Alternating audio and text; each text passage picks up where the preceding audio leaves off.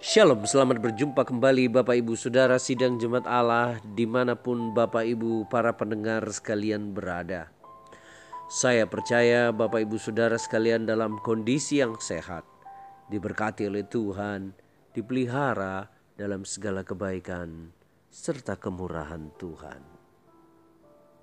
Hari ini kita akan sama-sama mendengarkan renungan firman Tuhan dengan judul Mengalahkan ketakutan.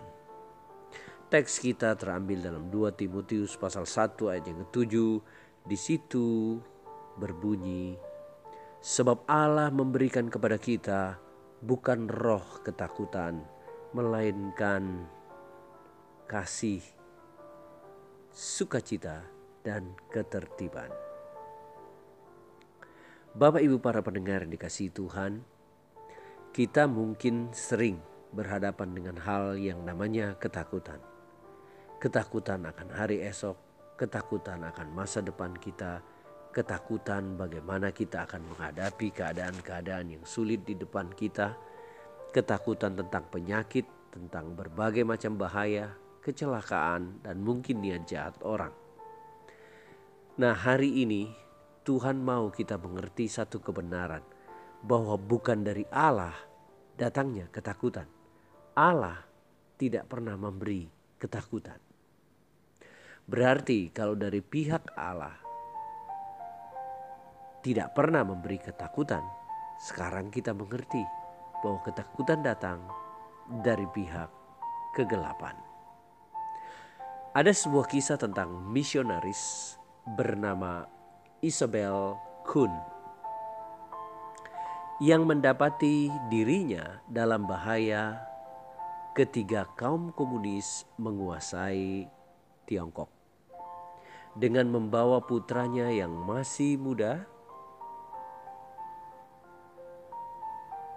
yang bernama Denny, ia melarikan diri dengan berjalan melalui salju yang tertutup yang menutupi daerah pemukiman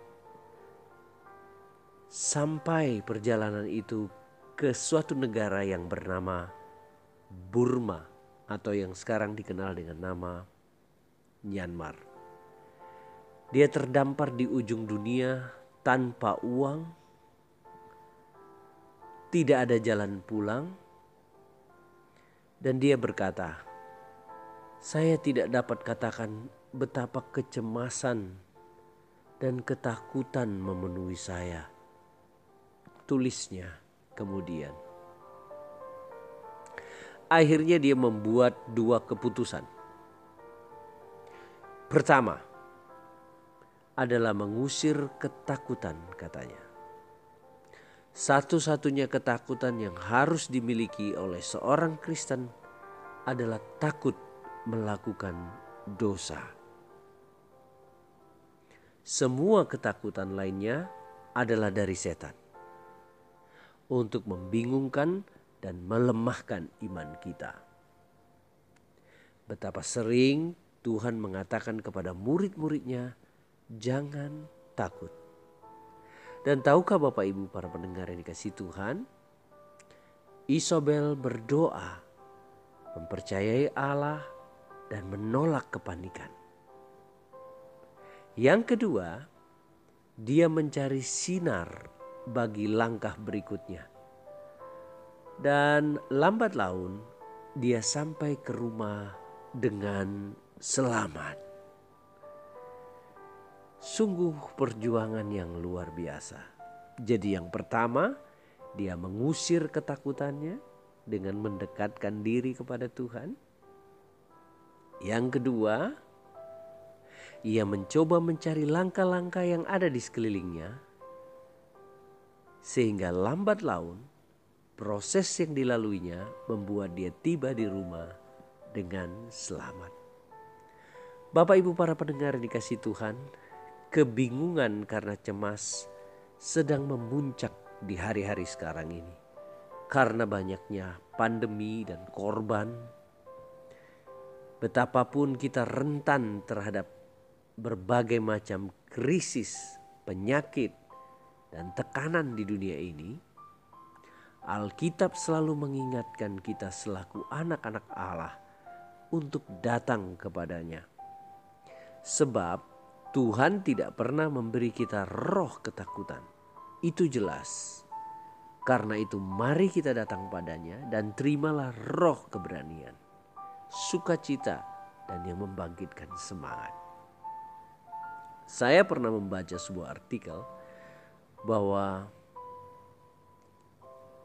kalimat jangan takut itu ada di sepanjang Alkitab. Dan jumlahnya kurang lebih sekitar 365 itu berarti Tuhan mau supaya kita jangan takut hampir setiap hari. Karena itu Bapak Ibu Saudara yang dikasih Tuhan, baiklah kita mulai percaya. Lawan dari ketakutan adalah percaya. Percaya adalah beriman sesuatu yang baik terjadi pada kita. Ketakutan adalah beriman pada sesuatu yang buruk terjadi pada kita. Itulah sebabnya Ayub pasal 3 ayat 25 berkata, apa yang kutakutkan akan menimpa aku. Apa yang kucemaskan itu yang mendatangi aku. Jadi Bapak Ibu Saudara yang dikasih Tuhan, para pendengar sekalian, hari ini kunci untuk menang atas ketakutan yang pertama, datanglah pada Tuhan. Carilah dia.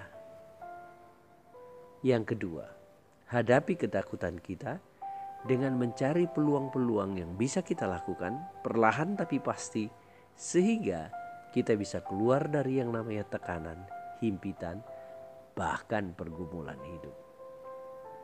Nah, Bapak Ibu Saudara sekalian, camkan baik-baik. Sebab Allah tidak memberikan kepada kita roh ketakutan. Selamat menikmati berkat Tuhan hari ini Bapak Ibu para pendengar saudara sekalian.